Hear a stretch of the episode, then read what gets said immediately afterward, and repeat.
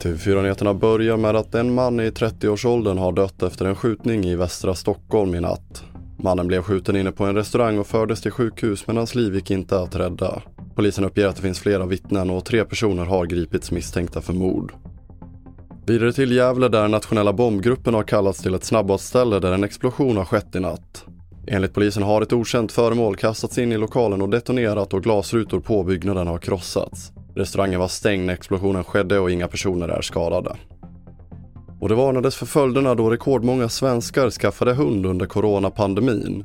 Och i år har Hundskyddsföreningen sett en markant ökning av förfrågningar om omplaceringar från ägare som inte klarar av eller vill ta hand om sina hundar. Oftast så är det att de verkligen är desperata efter hjälp. Det har varit eh, veterinärkliniker som har hört av sig till oss. Eh, och där, där familjerna har stått och varit beredda på att avliva en frisk hund. Det är väldigt, väldigt hemskt.